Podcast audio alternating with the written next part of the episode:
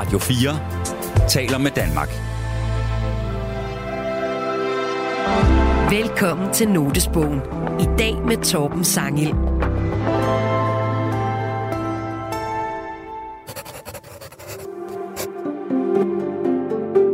Jeg tager noter, når de kommer til mig, og jeg enten har øh, pen og papir eller en computer ved hånden. Notesbøger er personlige og intime, og det vi skriver i dem er ofte ufærdigt og umiddelbart.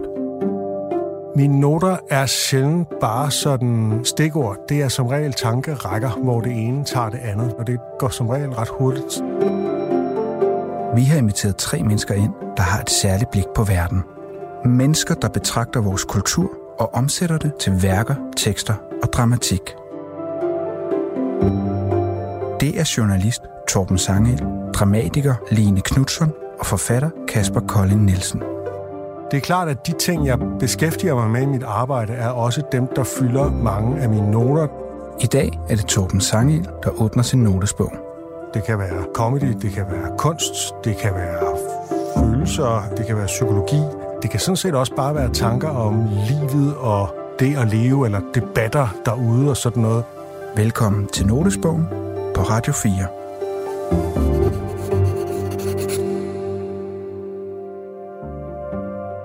Hej, jeg hedder Torben Sangel. Radio 4 har givet mig en notesbog. De har bedt mig om at notere, når jeg undrer mig over noget i vores kultur. I den her udsendelse, der skal det handle om tillid, og udgangspunktet det er den note fra min notesbog, der kommer her. Jeg er bange for, at den helt afgørende danske tillid er ved at smuldre. Ikke forsvinde, bare smuldre lidt. Sådan lød noten. Og ja, den vil jeg gerne lige forklare nærmere, for det er et emne, der optager mig meget. En del af grunden til, at vi har det så godt i Danmark, det er, at vi har den her grundlæggende tillid til hinanden og til systemet. Vi er et af de mest tillidsfulde samfund i verden, og det spiller en rolle, når vi går på gaden, og når vi handler i en butik, og når vi læser nyheder, og når vi sender vores børn i skole, og når vi melder forbrydelser til politiet og alt muligt andet. Og coronakrisen, den satte gang i sådan en mistillid til myndighederne i hele verden, men, men også i Danmark. Og konspirationsteorier fylder mere end nogensinde. Jeg har ligesom set det ske overalt omkring mig, og det har gjort mig utryg. Men allerede inden corona, så var der faktisk en stigende mistillid til politikerne, som øh, de til dels selv var ude om. Det holdt jeg faktisk en tale om til Folketingets åbning i 2019. Og så er det mere personlige, altså tilliden til vores partnere, til vores venner, til naboen osv. Tillid er let at miste, men, men meget svært at opbygge igen. Så hvad skal vi gøre? Jeg vil virkelig gerne værne om tilliden. For at udforske det her emne om tillid, der mødtes jeg med filminstruktør Annette K. Olesen. Og grunden til at invitere netop hende, det er, at hun for det første har lavet en rigtig god film om tillid. Den hedder Ingen kender dagen. Den består af fem korte historier om tillid, som er skrevet af fem forskellige forfattere, som Annette så sammen med Maren Louise Kane har lavet om til et manuskript og en film. Men udover filmen, så har Annette K. Olsen også været på en decideret tillidsturné, hvor hun har talt med kloge mennesker om tillid. Samtalen den kommer vidt omkring, fra Danske Bank til pædofili, fra parforhold til psykiatri. Jeg begyndte med at spørge til, hvad hun har lært eller taget med sig i sit arbejde med tillid. Jeg synes i hvert fald, at jeg har sådan nogle sætninger, jeg har taget med mig. Øh, blandt andet så sagde filosofen Vincent Hendricks, som, som vi talte med i forbindelse med tillidsturnéen, øh, han sagde, at øh, tillid er usynligt. Man kan simpelthen ikke se det. Og, øh, og så sagde han også, at det er... Øh, altså, vi taler simpelthen kun om tillid, når den er i fare, eller når den ikke er der længere. Øh, det gjorde et meget stort indtryk på mig, fordi øh, jeg synes, vi taler rigtig meget om tillid i øjeblikket, og vores politikere gør det også. Ja. Og det er måske et symptom. Ja, så på den måde så øh, kan du måske godt øh, forstå min bekymring lidt, at, øh, at der er sådan et eller andet, der er nogle tegn på, at den tillid øh, i hvert fald ikke er nalfast, i hvert fald ikke er sikker. Det er noget, vi skal værne om på en eller anden måde. Ja, fuldstændig. Der er jo ingen, jeg, altså jeg har jo arbejdet med den her film, som jeg har lavet, har jeg arbejdet med i 5-6 år eller sådan noget, så jeg har jo også læst rigtig meget om tillid som sådan videnskabeligt og filosofisk begreb og mellemmenneskeligt begreb, men så jeg ved jo også godt, at vi i Danmark, som du siger, øh, er verdensmestre i tillid. Øh, men, men det, at jeg gik i gang med at lave min film, var jo også forankret i sådan en spirende øh, bekymring i mig, som jeg egentlig ikke rigtig kunne artikulere. Men, men som... Så ideen til din film kommer simpelthen også af en bekymring? Ja, helt sikkert. Øh, jeg læste om en forsker, der hedder Gert Tinggaard Svendsen, øh, som, har, som har lavet en, øh, en økonomisk afhandling, tror jeg det hedder, øh, på Aarhus Universitet sammen med nogle andre forskere selvfølgelig. Øh, og det ligger jo så de der, øh, i hvert fald 6-8 år tilbage, dengang han gjorde det, øh, hvor han, han talte om, at tillid er Danmarks råstof, ja. set ud fra en økonomisk betragtning at det er, altså han pegede på ud fra en økonomisk betragtning, at det er det, vi lever af, eller en meget stor del af det, vi lever af. Fordi når man har en stor grad af tillid i et samfund, så, øh, så er der meget lav korruption. Og så behøver man ikke at bruge så meget energi på kontrol. Og det er måske også i forhold til det, du sagde med, at tillid er usynligt, kontrol er usynlig. Ja, nemlig. Så derfor er den måske mere, det er mere trygt og... Øh at kontrollere end øh, at have tillid? Jamen det er jo klart, når der kommer sådan noget som en Danske Bank-sag, som, øh, som vi alle sammen øh, blev ramt af herhjemme. Altså Danske Bank er jo sådan... Øh, altså øh, alle bankers moder i Danmark, var jeg lige ved at sige. Det er jo også den er, det er jo en institution, som er dybt forbundet med vores nationale økonomi. Og, øh, men når der så kommer sådan en sag, hvor det går op for os, at der øh, bliver svindlet øh, og bedraget, øh, så kalder vi jo alle sammen på kontrol af gode grunde. Ja, det gør vi. Det gør vi også i forbindelse med Britta Nielsen-sagen. Det gør vi nemlig. Øh, så vil vi gerne have mere kontrol, men det der jo er, det er, spørgsmålet er, om det er mere kontrol, vi skal have, eller om det er bedre kontrol. Og det er måske lidt let købt sagt, men altså i forbindelse med Britta Nielsen-sagen, som jeg har tænkt lidt over, der er det jo egentlig bare at have helt simpel regnskabsskik, at hvis der skal udbetales nogle penge, så skal der være to til at godkende det. Ja. Bum. Mere kompliceret er det ikke. Øh, og problemet er det der med, hvis man laver en masse komplicerede regler, som tager alle folks øh, tid på sygehuset og det ene og det andet, så, øh, så, så bliver det også mere utilfredsstillende at arbejde i systemet, fordi man oplever, at øh, der ikke er tillid til en. Ja, og spørgsmålet er, om graden af kontrol er med til at øh, øge graden af tillidsbrud. Ja, kontrol og tillid er jo på sin vis øh, modsætninger, fordi hvis du har kontrol, så viser du mistillid. Ikke? Mm. Ellers vil du ikke kontrollere. Hvis du har tillid, vil du ikke kontrollere. Mm. Og du citerer jo også som øh, motto for din film, tillid er godt, kontrol er bedre. Jeg ved ikke, om man kan kalde det et motto. Det er jo nok et ironisk motto i hvert fald. Øh, som øh, Lenin skulle have sagt, det er vist nok et fantomcitat, som man kalder det. Altså, det er ikke et rigtigt Lenin-citat. Men det er i hvert fald noget, han er, er sådan kendt for at sige, og det var måske meget overens med hans måde at agere på, kan man sige. Øhm, og der har Gert Tinkgaard, som jeg også har interviewet øh, øh, til en, en artikel engang, han øh, har prøvet at vente om og sige, kontrol er godt, men tillid er billigere. Mm. Der kommer så det, det økonomiske argument der, som handler om, øh, de her transaktioner glider simpelthen bare nemmere, hvis man ikke skal kontrollere alt muligt, men man ligesom kan lægge håndslag på tingene og stole på, at en handel er en handel og alt det der. Ikke? Jo. Ikke desto mindre, så øh, har jeg læst mig til, at alle statsministre siden slutter, hvis nok. altså det vil sige, at vi taler tilbage i, en gang i 90'erne, har, øh, øh, har udtalt, at de ønskede at, at, øh, at ligesom reducere i graden af kontrol. Øh, og der er sket det stik modsatte. Øh, alle statsministre og alle siddende regeringer har øget graden af kontrol.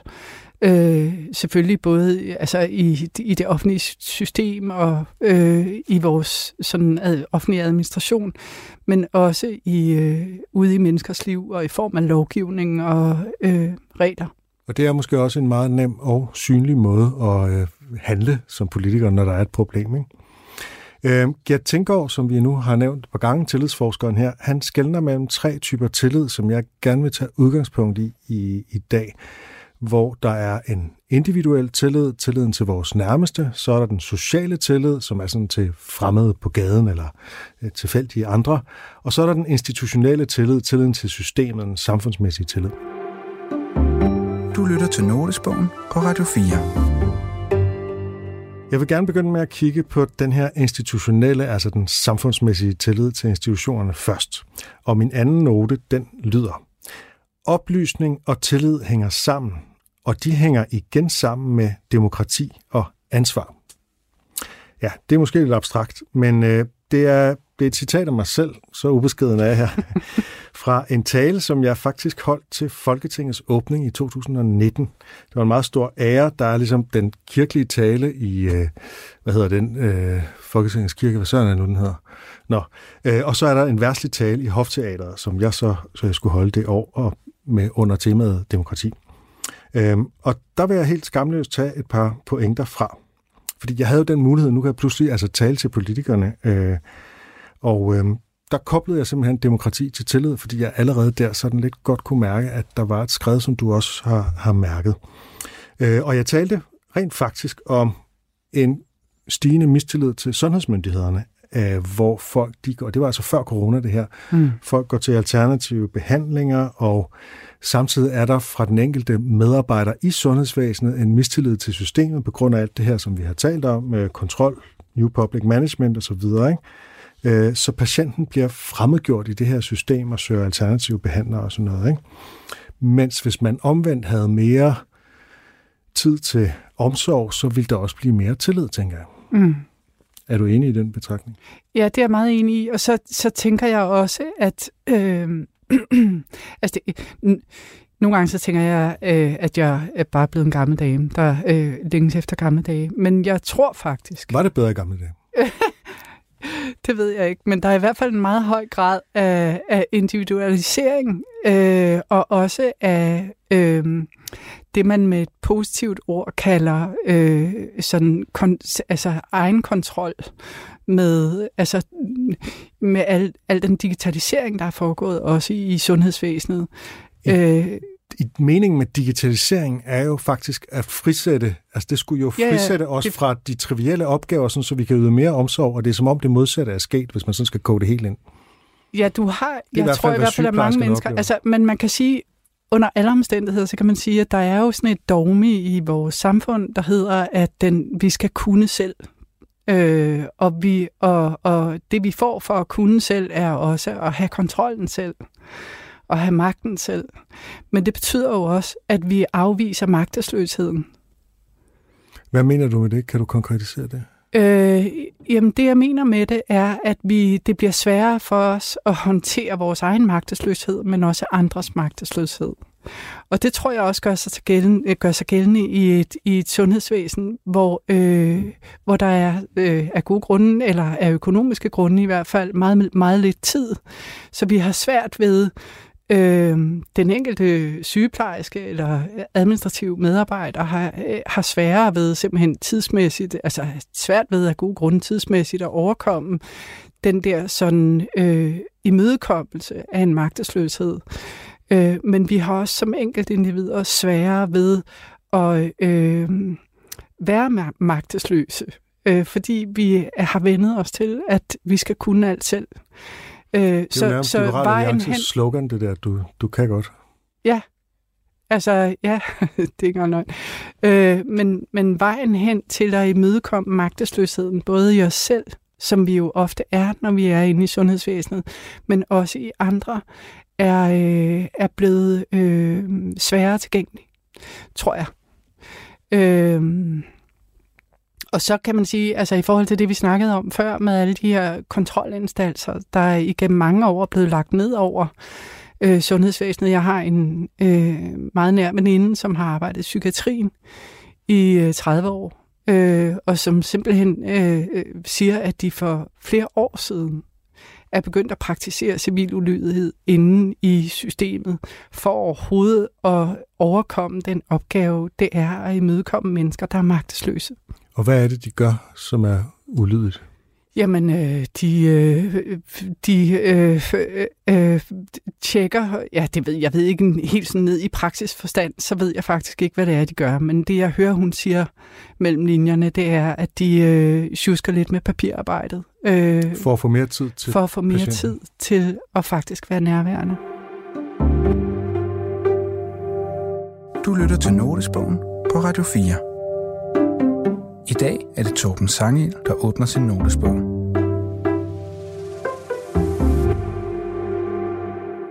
Et punkt, jeg også var inde på i denne her øh, øh, tale, var mistilliden til medierne, altså til mainstream-medierne, som det bliver kaldt. Ikke? Og det var jo også i lyset af alt det her med fake news og russisk propaganda og sådan noget, som, som kørte meget i anden halvdel af, af tierne. Øhm, men mainstream-medierne, med alle deres fejl og mangler og clickbait og det ene og det andet, så har de faktisk generelt en, en høj troværdighed øh, herhjemme. Øh, og selvfølgelig skal man være kritisk over for dem. Problemet er, at der er nogen, der simpelthen bare afviser dem og mener, at de på en eller anden måde altså har en eller anden øh, skummel øh, dagsorden. Øh, det er sådan hele den der konspiratoriske tankegang. Ikke? Der er, det er som om, der er en dalende tillid til medier, fordi man kan gå ud og finde nogle andre medier, nogen, der sidder på YouTube og og påstår et eller andet, eller nogen, der laver en blog og påstår mm. et eller andet, ikke? og som mm. ikke lever op til de krav, som medierne rent faktisk har i forhold til presseetik og det ene og det andet, kildekritik og alle de der dyder. Samtidig, det er så lidt dobbelt her, så kan man måske godt kritisere medierne for at øge mistilliden, i hvert fald de medier, der fokuserer enormt meget på svindel og bedrag og hyggeleri og studehandler og manipulation og strategi og alt det der. Ikke? Og måske glemmer, at der også indimellem er nogle ting, der går godt, og nogle ting, der er fornuftige, og nogle mennesker, der øh, handler øh, øh, moralsk rigtigt og sådan noget. Ikke? Altså hvis man, hvis man læser, nu ved jeg ikke, øh, Ekstrabladet, BT, et eller andet, øh, hver dag, og det er ens eneste medie, og det bliver ens sådan virkelighedsopfattelse, så lyder det som om, at der ikke er andet end svindlere og bedrager over det hele. Mm. Det lyder ligesom min... Øh, ja, ja det, det kan jeg godt genkende. Jeg, jeg har øh, tænkt meget over, at øh, øh, et medie som Danmarks Radio, som jo er vores øh, store public, og traditionelle og public service medie, øh, ja. som vi alle sammen finansierer via vores skat, øh, i forbindelse med valget sidste år, øh, havde de sådan nogle, kørt de sådan nogle trailer for øh, de tre øh, statsministerkandidater, øh, eller for en debat mellem de tre statsministerkandidater, der var, altså med Frederiksen og øh, Jakob Ellemann og Søren Pape Poulsen. Øhm, og, og der blev lagt sådan noget underlægning, sådan noget øh, øh, øh actionfilm nær, nærmest agtig underlægningsmusik under de trailer, og, øh, og journalisten, som man ikke så, spurgte så, bliver du vores næste statsminister, øh, statsminister? Og så svarede de alle sammen i tre klip selvfølgelig, med hver deres rungende ja. Øh, og så der, er konflikten tror, virkelig trukket op. Nå, men jeg tror, jeg tror, at den der fiktionalisering af vores øh, af, hvor, af, af hele det, der er jo øh, har en kæmpe stor betydning for os, altså netop vores folkevalgte politikere, øh, at man putter øh, hvad kan man sige, samtalen med dem ind i nogle sådan fiktionaliserede rammer nærmest, øh, er med til i hvert fald at skubbe mig væk fra de informationskilder, jeg søger nogle andre. Og der tror jeg, at, at, øh, at, at mange af os øh, oplever øh, forskellige sociale medier som mere autentiske. Øh, og derfor er det ligesom nogle nye værter, vi, øh, vi søger, fordi vi oplever, at deres fortællinger og deres måde at henvende sig til os på er mere autentisk. Og det er jo et kæmpe problem ja. for et samfund, der, øh, der øh, både investerer penge i, men også funderer øh, en meget, meget stor del af vores øh, demokratiske kommunikation øh, på et medie som Danmarks Radio. Og det er vel at mærke en filminstruktør, der siger det. Ja, det er det. Og jeg laver fiktion. Ja, lige præcis. øhm, jeg var også inde på en mistillid til politikerne. Altså, det er som om, at øh, tilliden er dalende til politikerne øh, i det hele taget, øh, og det er ikke kun mediernes skyld, det kan man selvfølgelig sige, som jeg var inde på før, men også politikernes egen skyld, fordi de ikke er gennemsigtige nok i beslutningsprocesser. Og hvis man ikke er gennemsigtig, og der var blandt andet en offentlighedslov, der kom mm. her øh, for nogle år siden, hvis man ikke man er gennemsigtig, så fører det jo til spekulationer og, og mere mistillid, og til sidste ende til konspirationsteorier. Og det sagde jeg altså i 2019, og det har i den grad, ligesom jeg synes også, de andre egentlig viser sig op under corona og bare eksploderer. Så jeg føler mig sådan næsten øh, profetisk i al ubeskedenhed. Det var, det var fordi, det, der, der er jo nogle ting, som allerede var undervejs, som simpelthen bare øh, blev, fik ekstra vind i sejlene under corona, tror jeg. Det er selvfølgelig ikke, har jeg ikke nogen profetiske evner, men øh, konspirationsteorier er den ultimative mistillid mm. til øh, institutionelle mistillid i hvert fald. Mm. Det er ligesom, der er et eller andet, der er nogle onde hensigter bag. Det vi får at vide er ikke det, der er sandt. Bag det ligger en eller anden ond hensigt om at tilrende sig penge, magt, verdensherredømmet. Ikke? Mm. Så vidt jeg husker, nu vender jeg lige tilbage til, til hvad sådan er den hedder, loven, du nævnte. Øh, Offentlighedsloven. Offentlighedsloven, ja. Øh, fordi så vidt jeg husker, så var altså politikernes egne argumenter for at stemme den igennem, var, at de var nødt til at få noget arbejdsro. Altså de brugte ja. simpelthen så meget administrativ tid på at stå til rådighed for offentlighedsloven, eller for de indsigter, der blev søgt øh, de agtindsigter, der blev søgt. Men det, det der egentlig er, øh, er min pointe her, det er i virkeligheden, hvis man skal vende tilbage til Gert Tinggaard Svendsen, så siger han, at hvis der skal være tillid, så er vi nødt til at tillade, at der også er øh, noget, vi ikke ved. Og det er jo fair nok, så længe det for eksempel er statshemmeligheder, selvom vi jo også har en sag, der, øh, hvor det er blevet øh, noget værre noget med hele den her Lars Svendsen-sag og så videre. Ikke? Jo, jo. Øh, det er jo fair nok, men altså, det, det er et problem, for eksempel i Mink-sagen, at der er en masse sms'er, der er blevet slettet. Det er et problem i Tibet-sagen, at der er en masse e-mails, der er blevet mm. slettet. Det vil jeg som repræsentant for medierne her øh, gerne øh, insistere på. Det er simpelthen et problem. Når der er et eller andet, der går galt, som ligner, at nogen har en eller anden øh, dagsorden, så er det vigtigt, at vi kan gå det efter og finde ud af at få placeret et ansvar. Altså, ja, det, jeg prøver bare så... at provokere din, ja, men det, de, det lykkedes også tillidstil. Det lykkedes også øh, fordi øh, altså der, det er simpelthen, øh, jeg mener, at gennemsigtighed fører til tillid, øh, fordi øh, sagen af spekulationerne kører med det samme. Hvad er det egentlig, der foregår? Der foregår sikkert et eller andet meget, meget skummelt. Ikke? Mm. Og måske gør der også det. Altså, jeg er ikke overbevist om, at der ikke er foregået noget skummelt i Tibet-sagen, for jeg har ikke nogen, noget grundlag. Der, det er umuligt at renvaske politiet og øh, udenrigsministeriet i den sag. Ikke? Mm. Nå, før, nok om det. I din film øh, Ingen kender dagen, der har vi så, øh, der handler en af historierne om, at øh, Trine Dyrholm, hun er en læge, der skal assistere en hjemsending af en afghansk flygtning, altså som skal tilbage til Afghanistan. Øhm, og den er jo altså vel at mærke skrevet før øh, Talibans øh, overtagelse, genovertagelse af magten. Ikke? Mm. Øh, hun repræsenterer systemet, men hendes tillid, den bliver, ja, den bliver ikke ødelagt, men den bliver nok udfordret lidt på den her rejse med flyrejse, hvor hun ligesom bare er lægen, der skal sørge for, at, der ikke, at han ikke gør skade på sig selv. Ja, altså øh, det første, der jeg har lyst til at sige, det er, øh, at vi hjemsendte også afghanske flygtninge til Afghanistan efter, øh, at øh, Taliban overtog øh, Afghanistan. Så, så det er ikke en praksis, der er stoppet. Okay, det vidste jeg faktisk ikke. Det er Ej, ikke det, et område, jeg er så meget ind i. Ej, øh, øh, men, men det er rigtigt, at den, den historie i min film handler jo i allerhøjeste grad om, at når vi, og det er vi jo mange, der gør i et samfund som Danmark, hvor vi har så stor en offentlig øh, administration, øh, tager arbejde øh, for, øh, for myndighederne øh, og for staten, så, øh, så er vi jo øh, de beslutninger, der bliver taget forlænget arm. Øh, så er vi jo ikke, det svarer jo til at være en soldat, der bliver sendt i marken. Og det er klart, at når der så sker øh, voldsomme ting, som, som, som rammer en emotionelt, øh, eller som ikke kan undgå ligesom at påvirke en emotionelt, øh, øh, som, der, som der sker i, i tilfældet med den historie der, så, øh, øh, så er vi henvist til øh, at lige konsultere, hov, øh, er min tillid til myndighederne øh, begrundet? Kan jeg gå på arbejde i morgen, eller er jeg nødt til at genoverveje, øh, om jeg kan arbejde øh, øh, med de beslutningstagere, eller for de beslutninger, som nogle andre tager? Ja, og det, øh, hun gennemfører jo, men det er som om, at der er et eller andet i hende, der er rykket i hende, uden at det egentlig bliver... Øh, og det er jo faktisk en af de ting, jeg vil rose din film for, det er, at der er mange sådan... Øh, tvetydige slutninger på de fem historier, hvor man mm. sådan sidder tilbage med, hvad var det egentlig, der skete? Der er sjældent en konklusion. Der ja. er sådan øh, lidt, lidt åbenhed. Der er sket noget, men det er egentlig uklart, hvad der præcis er sket. Måske med en undtagelse. Øhm.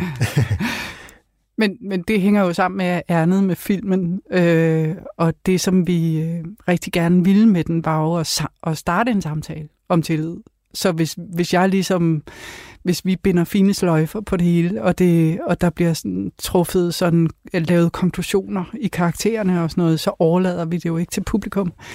Øh, og nu det har var, vi den samtale. Jo. Ja, det er fantastisk. du lytter til Notesbogen på Radio 4. I dag er det kulturjournalist Torben Sangel, der åbner sin notesbog og udforsker sine noter om tillid sammen med filminstruktør Annette K. Olesen. Lad os forlade den institutionelle tillid og gå over til den sociale tillid. Ja. Øh, og min tredje note, den lyder sådan her. Det er gået op for mig, hvorfor jeg altid har haft det ekstremt dårligt ved tanken om træktyve. Mm-hmm. Det er fordi, de udnytter folks hjælpsomhed, og når de gør det, så ødelægger de den sociale tillid. Mm. Træktyve, det er jo dem her, som narer især ældre mennesker, ikke? Til at for eksempel at lukke dem ind i lejligheden, og så røver de dem, eller de beder om hjælp på gaden, øh, mens der er nogen, der stjæler fra deres lommer og så videre, ikke? Og det er som om, det skærer hjertet på to måder. Øh, dels at man narer de hjælpsomme, det er i sig selv sådan meget grundlæggende moralsk forkasteligt, mm. men også på et sådan større plan, fordi det er med til at gøre os mere varsomme over for fremmede mennesker, og det er jo det, den sociale tillid handler om. Det er, hvordan vi møder fremmede mennesker. Møder vi dem med, med tillid? Mm. Øh, og altså i sidste ende, så kan man jo blive bange for at hjælpe folk på gaden. Mm. Jeg har boet i, i New York på et tidspunkt, og der var en gang, hvor jeg øh, oplevede et par gange, at når jeg mødte grædende børn på gaden eller nede i subwayen og sådan noget, så... Øh, gik de bare videre, hvis jeg sådan spurgte, om de var okay og sådan noget, fordi de ligesom havde fået at vide, at de ikke skulle tale med fremmede, og jeg fik decideret at vide, at især hvis det var sorte børn, mm. så, var det, så var det meget suspekt, hvis jeg henvendte mig til dem. Altså, så ville jeg blive betragtet som, at jeg, jeg forstår dybest set ikke den tankegang. Jeg er ligesom vokset op med sådan en dansk tillidskultur, hvor man også har børn i barnevognen stående ude på gaden. Det skal man mm. så heller ikke i New York. Der vil jeg nøde i havne, at det er suspekt at spørge et grædende barn, om det er okay på gaden. Mm. Det er et skrækscenarie for mig. Mm. Er der et spørgsmål i det, Torben? Nej, der er ikke noget spørgsmål. Der er en betragtning, du byder bare Jeg kan, jeg kan nævne endnu Nej, et eksempel. jeg kommer bare til at tænke på, jeg kommer til, altså igen i forbindelse med den der tillidstur, vi lavede i forbindelse med min film. Øh, og det er jo fordi, når du siger sociale tillid, så tænker jeg jo, så er det nærmest umuligt i den tid, vi lever i, også at tænke sociale medier. Øh, Astrid Haug, som vi talte med os, som er øh, øh, ekspert i sociale medier. Øh, hun, hun, hende talte vi også med i forbindelse med den der tillidstur. Hun sagde noget meget interessant. Hun sagde, øh, det der er udfordringen, eller hun pegede på, at det kunne være en udfordring for os som danskere, at vi tager den der meget øh, høje, Gert Tingårdske grad af tillid med os ind på de sociale medier. Og det vil jo så også sige i e-mails, som nogen skriver, hvor de, altså nu snakker om ældre mennesker og sådan noget, hvor øh, en anden Mr. John øh, eller Mr. Paul henvender sig og øh, øh, har brug for øh, et eller andet fra et ældre, ældre menneske henvender sig på en e-mail, men, men også på de sociale medier. Øh, hvor, øh, hvor vi jo jævnt hen tager bedre af hinanden og os selv og sender, øh, uden, og vi opfatter det som en privat kommunikation. Øh, men er ikke måske i tilstrækkelig grad opmærksomme på, at, øh, at, at det er, at tage et billede af os selv eller af nogle andre er forbundet med et ansvar. Øh, og særligt, hvis det lægges ud på et socialt medie. Og derfor så får man hele tiden at vide, at man skal være varsom, og øh, man kan blive hacket, man kan blive narret og, og så videre på de sociale medier. Det skræmmende er jo, hvis vi tager den mentalitet med os over i den i offline-virkeligheden, sådan så vi tilgår Ja, det var det. Altså, det var faktisk det, hun pegede på, øh, Astrid. Det var, at, at øh, rigtig mange af de grænseoverskridelser, som, som vi taler meget om, i, i, altså har gjort det meget her de seneste år, de foregår jo på nettet. Øh, og, og, øh, og måske er der en, øh, altså, m- måske er der et problem i, eller i hvert fald en interessant, øh, noget vi behøver at beskæftige os med, end, end at vi tager den her grad, den her danske grad af tillid med os ind på de sociale medier. Og, og spørgsmålet er, hvad gør det så, når vi har brændt nallerne derinde? Hvordan ser, hvordan ser vi så ud, når vi går ned på Vesterbrogade, og øh, der kommer nogen og beder om hjælp? Ja, lige præcis. Hvordan reagerer vi så? Ja. Øh, og det, det, det var meget tankevækkende for mig. Øh, hvad sker der så, hvis der er en, en, en ung fyr, der falder på gaden, eller sådan noget? Øh, mm. Går vi hjem, går vi hen og hjælper ham med øh, og, og sådan lige høre, hvordan han har det? Øh, eller tænker vi, han er fuld, han er på stoffer, vi, øh, eller han vil mig noget, han vil have noget af mig? Et andet eksempel, som også virkelig har påvirket mig, det var, da min øh, datter i sin tid øh, gik i børnehave. Der var en meget, meget sød øh, mandlig børnehavepædagog, som hun var meget, meget glad for. Mm. Og når hun øh, ligesom øh, så ham om, om morgenen, så løb hun hen til ham og krammede ham. Mm. Og i stedet for at kramme igen, så løftede han sine Uh, uh, hænder op. Ja. Og det skar i hjertet for mig hver gang, for det Mm. virkede som en afvisning. Og jeg er godt klar over, hvorfor han gjorde det. Mm. Han gjorde det for at undgå, at der skulle falde nogen som helst mistanke til en mandlig pædagog om, at han muligvis var pædofil. Mm. Øh, hvilket øh, øh, meget få mennesker er. Øh, og meget, meget få øh, mandlige børnehavepædagoger er, selvom der selvfølgelig har været en sag her og en sag der. Problemet er, hvis de ganske få sager skal ødelægge den tillid, der er til, at selvfølgelig så er hendes søde børnehavepædagog rent faktisk sød og ikke ude på noget som helst, mm. når han, hvis han krammer hende igen. Mm. Ja, det provokerer mig virkelig meget det her. Det kan jeg godt mærke. Ja. Bare når jeg fortæller det. Ja, Stadigvæk. ja, ja, at det jeg er bliver altså også meget 10 år siden. berørt af det. Og, og, og spørgsmålet er ligesom, øh, hvordan man på nogen måde kommer forbi det, fordi det jo hænger sammen med også det, vi snakkede om i forbindelse med den institutionelle øh, Øh, tillid, at, at når der opstår, altså hvis der nu nede i din, din datters børnehave opstår, havde bare opstået en sag med et voksen menneske eller en pædagog, der havde krænket et lille barn, så ville altså, så ville du garanteret også som forældre rejse dig op og sige, det må vi simpelthen se at få noget kontrol med. Ja, jeg, øh, det ville jeg muligvis, øh, hvis det var sådan helt konkret på den måde. Men jeg mener stadig ikke, at det er det rigtige. Øh, altså, der, det er sådan et eller andet... Det ved jeg ikke. Jeg har ikke været ude for det her. Jeg, lad mig sige det sådan. Jeg forstår godt, at man råber på kontrol, hvis der er en, henne i ens egen børnehave. Det er bare så sjældent, at det, man taber, måske er større end det, man vinder.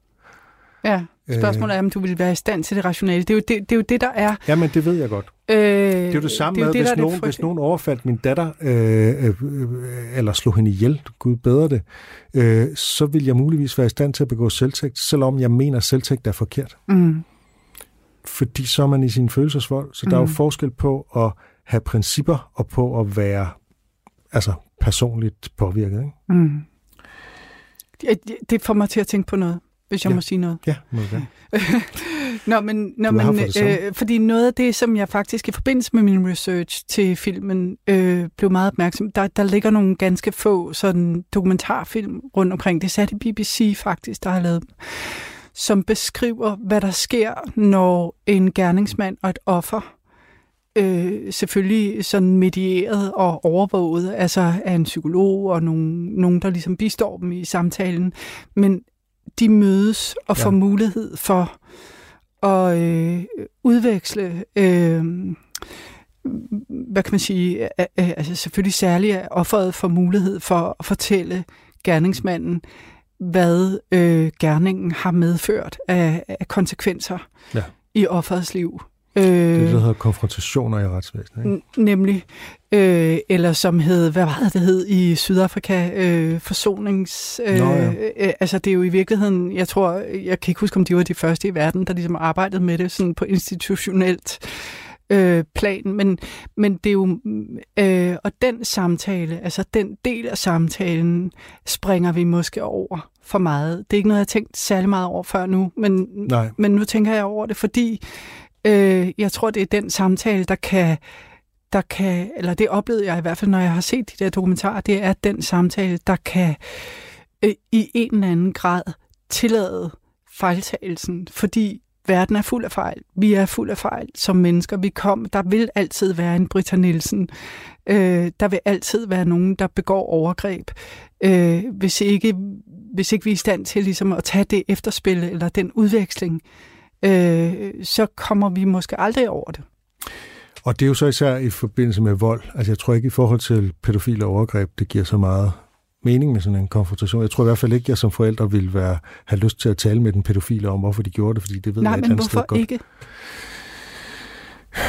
Du, det kan være, at du vil få noget ud af at fortælle, hvilke konsekvenser det havde haft for dit barn. Ja, det kan godt være, men, men at høre hans øh, forklaring, det ved jeg sgu ikke, om jeg har lyst til. Nå, nej, men øh, ja, altså, de, altså de, de tilfælde, hvor Fordi jeg har set det der af- dokumentar, det er jo egentlig ikke at give, give gerningsmanden muligheden for at forsvare sig. Men, Nej, men, må men i virkeligheden give gerne, gerningsmanden mulighed for at se, at det er et menneske. Det er et menneske, det her er, er Ja. overgået. Nå, men whatever. Må jeg sige noget? Ja. en af de ting, jeg opdagede ved at lave min film, faktisk, da vi havde været ude og optage filmen, så gik det op for mig, at der er nogle scener, som er meget vigtige i den her film. Og det er faktisk, at nogle mennesker, der på den måde nede i historierne har været øh, negativt øh, konfronteret med, eller potentielt negativt konfronteret med et tillidsbrud mellem dem, at deres blikke mødes. Ja. Og der tænker du, at hvis man konfronterer, så kan man, kan man genoprette tilliden, eller kan man mindske mistilliden? Hvad er det, man kan, hvis man ligesom siger, øh, vi to har mistillid til hinanden, men vi kigger hinanden i øjnene og sætter ord på mistilliden? Øh, Trine Dyrholms karakter der, Eva, hun kigger politiets indsatsleder, øh, som jo også har, altså, som har været en central figur i den samme hændelse, som hun selv oplever. Og hun kunne jo potentielt vælge øh, at have mistillid til ham, fordi han ikke havde kontrol over situationen, da de satte sig ind på den, på den flyvemaskine. Øh, og, har- øh, men hun, hun, hun vælger så at blive stående, da de alle sammen går ud af lufthavnen og vente på, om han kommer ud. Og så øh, kigger de på hinanden, og så siger de tak for i dag. Øh, og, har, og han siger så, kør forsigtigt. Eller også er det hende, der siger det, det kan jeg ikke lige huske. Men, men at, at, man, at på den måde, så bliver, øh, hvad kan man sige, den sociale tillid mellem de to, som jo bare har været, øh, hvad kan man sige, embedsmænd øh, i denne her situation, den bliver i hvert fald reetableret. Du lytter til Notesbogen på Radio 4. I dag er det Torben Sangel, der åbner sin notesbog. Jeg vil lige, øh, inden vi går til, til sådan den personlige tillid, ja. øh, så vil jeg lige øh, slutte på en positiv note. Nu taler vi meget om kriminalitet og forfærdelige ting. Øh, det er, at der er forskning, der viser, at når to mennesker med tillid til hinanden, de samarbejder, så begynder deres hjerter at banke synkront. Altså deres hjerter, hjerter, hjerterytme bliver simpelthen synkroniseret. Mm. Og hvis man øger den tillid gennem sådan et, et tillidsspil, så bliver effekten endnu stærkere. Det synes jeg virkelig er smukt. Ja, det er meget smukt. Så det er også en side af det. Helt sikkert. Og det bringer mig også til den her mere intime øh, side af tillid, tilliden til ens nærmeste. Spontant har et lille barn 100% tillid til sine forældre. Både at de vil barnet det godt, og at de ved, hvad der er rigtigt. Barnet har ikke andre muligheder end at have den tillid. Hvis den bliver brudt, kan det være nærmest traumatiserende. Og det er så min fjerde note. Det er altså så den her individuelle tillid, som vi har til, til vores nærmeste, til dem, der, der, øh, som vi kender godt og som kender os godt. Og grund til, at jeg begynder med barnet, det er, fordi jeg tænker, at barnet viser os tillid i sin reneste form. Mm. Det lille barn. Ikke? Vi kommer ind i verden med tillid som noget helt fundamentalt. Det er også noget, som den danske filosof Løstrup har, har skrevet om. Ikke? Jeg var til en begravelse i sidste uge, hvor at der var en, en pige, der sad hos sin mormor, og hele tiden lå sig falde bagover og stolede på, at mormoren ligesom greb hende og mm. holdt hende øh, fat. Hun kunne have slået hovedet meget voldsomt, hvis ikke mormoren holdt godt fast i hende. Og så siger min bror, sikke en tillid. Og så tænker jeg, det skal jeg da lige nævne i programmet om tillid. Mm. Øhm, men det er jo det her øh, barn, der ligesom bare lægger tilliden over til sin mormor eller til sine forældre i det hele taget, og som ikke rigtig har andre muligheder end at gøre det. Mm. Det er jo, øh, altså relationen mellem mor og barn er jo alle tillids moder eller fader. Øh, det er jo der, vi lærer det, kan man sige. Øh, men det er også der, det er nødvendigt. Altså, øh, ja, Der er, der er en af de... hvis vi ikke lærer det, Ja, så er det jo fatalt. lige præcis. Øh, jeg læste faktisk her forleden øh, en artikel om øh, en ung kvinde, som, øh, øh, som havde oplevet hendes, hendes mor blive, altså nu er vi tilbage ved vold og modbydeligheder, men altså en, en, at hendes far havde slået hendes mor ihjel. Ja. Og han fik så overtalt øh, både hende og, øh, øh, og hendes to søskende til at lyve over for politiet. Nej, Det er jo helt vildt ja, det er det godt. Altså, det er helt vildt, så langt børn går for at forsvare den relation.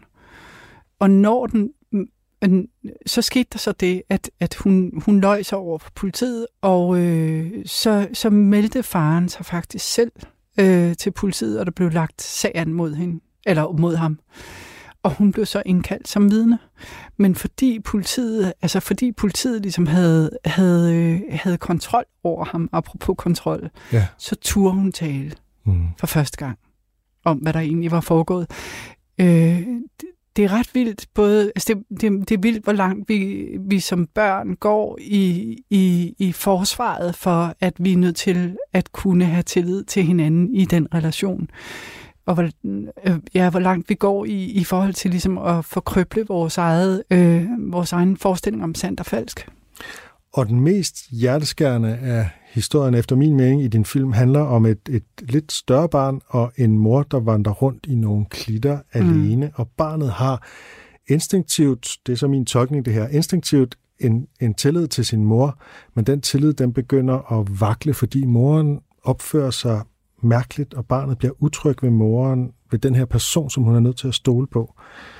Øhm, hun bliver decideret bange for hende faktisk, samtidig med at hun adlyder hende og prøver at tro på de historier, hun får at vide. Igen, så er det den der tvetydighed, vi talte om før. Ikke? Øhm, jeg synes virkelig, det, det er hardcore det her, og det er virkelig, du er virkelig god til at fange den der tvivl, der ligger på grænsen mellem den her instinktive tillid og så en begyndende mistillid hos, hos barnet. Mm.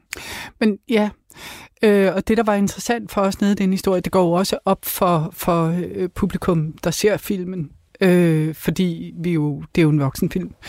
Øh, så det går op Ja. for, for dem af os, der ser filmen, at, øh, at moren nok ikke rigtig har lov til at være sammen med pigen. Altså, ja. at øh, de stikker jo af, moren stikker af med hende, og, og pigen spørger simpelthen på et tidspunkt, må vi, må vi godt det? Øh, Ja, de boede inde i et sommerhus og sådan noget. Ja, øh, og det, øh, altså det går, ja, på den måde går det jo op for os som publikum, at, at det, det er nok, der er et eller andet her, som er øh, øh, sådan ud over det normale. Øh, men, men det, der var interessant for mig nede i den fortælling, det var jo også, at vi får ikke ret meget at vide om, hvad der egentlig er sket, for ikke at sige ingenting. Øhm, og det interessante for, for mig var også at lege med tvivlen om, øh, om, om moren måske øh, uretmæssigt er blevet frataget øh, adgangen til at være sammen med sin datter, og at og hun i virkeligheden øh, kan tilskrives, det, altså med rette kan tilskrives den tillid, som hendes datter kæmper for at bevare imellem dem. Øh, De fleste, de oplever jo, når de vokser op, at, at de erfarer, at deres forældre ikke, øh, ikke altid har ret, og ikke altid ved bedst, og de opdager også, at deres forældre har begået fejl, deres opdragelse og sådan noget. Men altså, ingen børn burde opleve, at, at deres forældre ikke vil dem det godt. Altså, det, mm. det, den fundamentale tillid Mm. er så fuldstændig afgørende. Mm. Men, men, men nu, nu taler jeg så om filmen igen, ikke? fordi øh, så udfordrer jeg dig på, hvis du ser filmen, moren råber af hende på et tidspunkt, og det, det virker meget voldsomt. Hun mister tålmodigheden med den lille pige.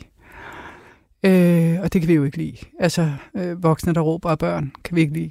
Men det kommer mange forældre Men- til en gang, med, Men det er faktisk det eneste farlige, hun udsætter hende for, som vi ser. som vi ser.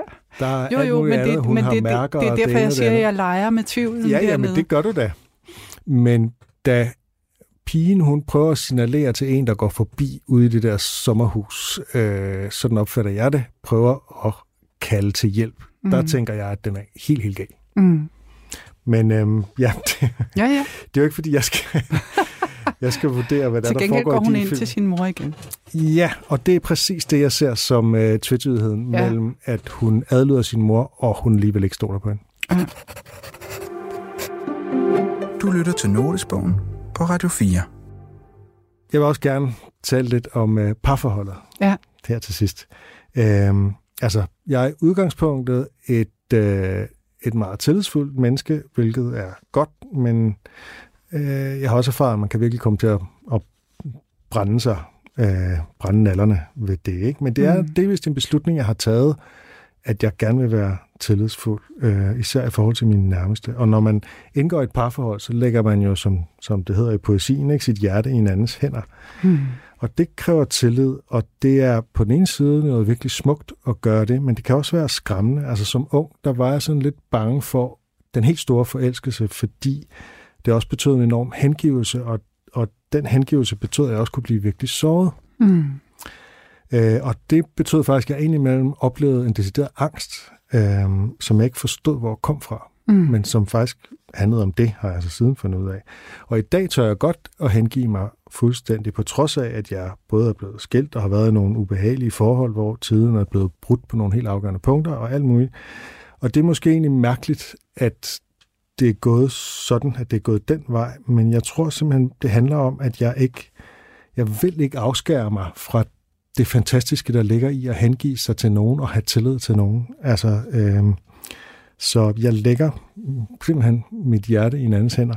Og øh, ja, det har jeg gjort igen med min nuværende kæreste, som øh, jeg håber skal være min livsledsager de næste mange år, Hmm. og som i øvrigt tilfældigvis er med i din film. Ja. og som er vidunderlig. Tak.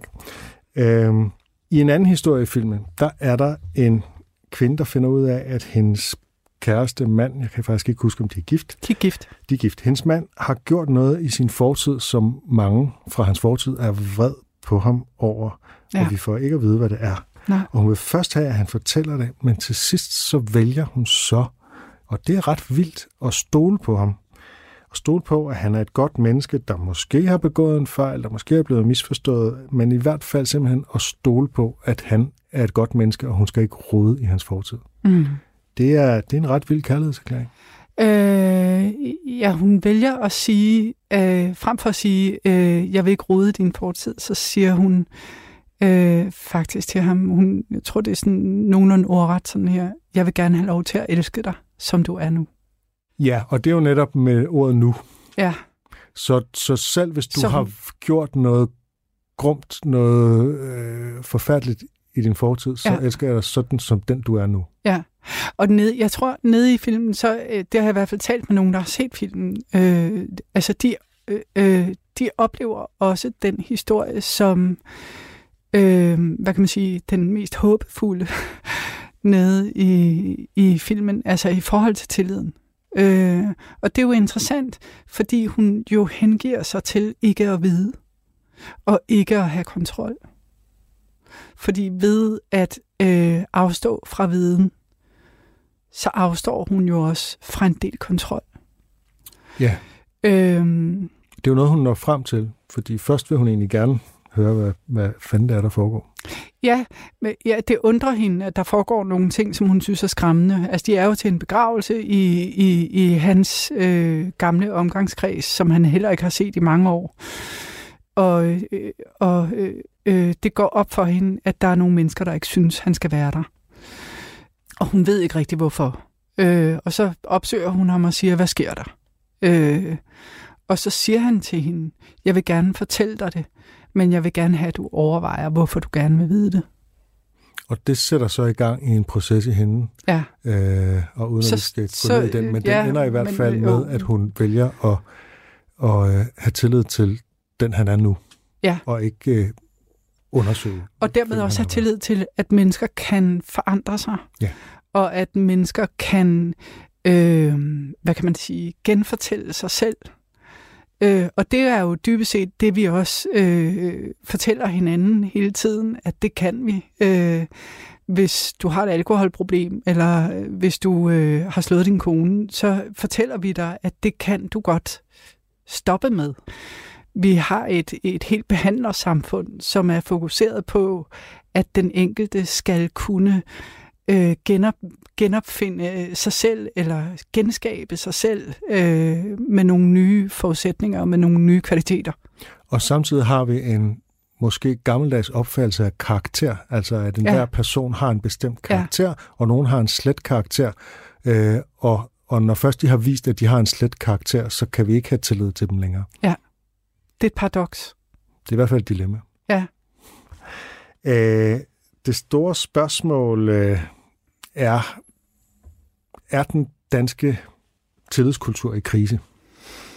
Øh, jamen altså, hvis jeg skal det vende tilbage til det og citere Vincent Hendricks igen, så vil jeg sige, øh, ja, vi taler meget om tillid, og det er nok i virkeligheden et symptom, og det er også et symptom, når vores politikere taler meget om tillid. Øh, og det er faktisk et, øh, det er lidt problematisk, fordi problemet med tillid er, at man kan ikke kommandere tillid. De kan ikke bestille tillid hos os.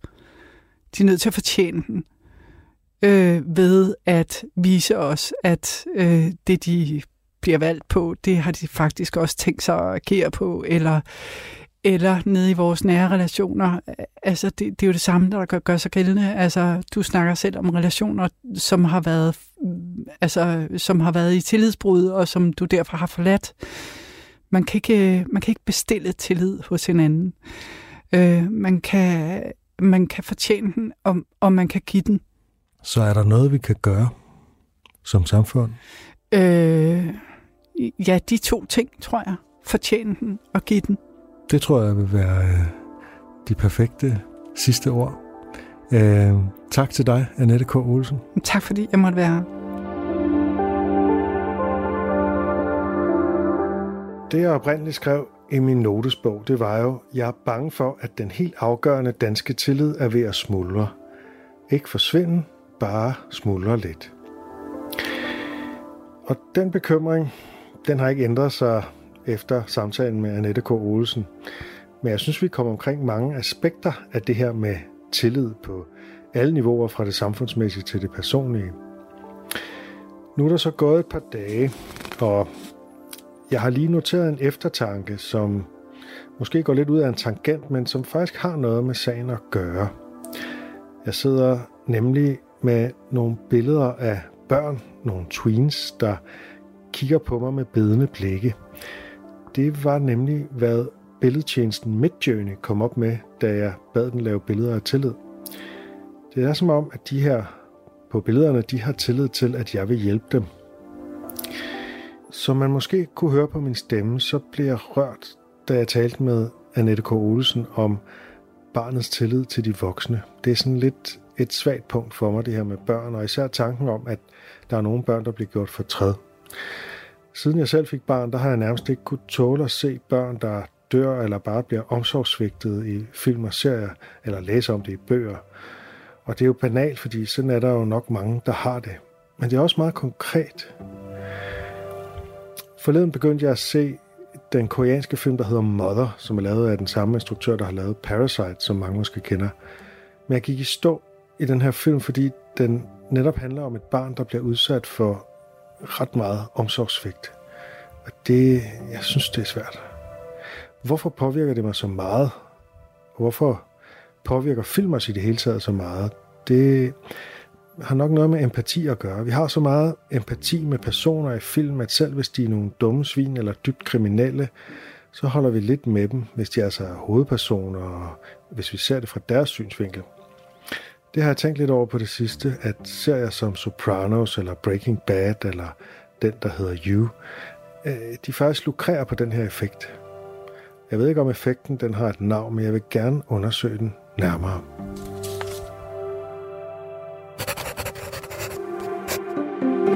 Du har lyttet til Notesbogen på Radio 4, og i dag var det med journalist Torben Sangel og hans gæst, filminstruktør Annette K. Olesen. I næste uge er det forfatter Kasper Colin Nielsen, der åbner sin notesbog. Og derfor har jeg skrevet den her note. Når alle nu elsker kunst, hvorfor er kunstnere så så irriterende?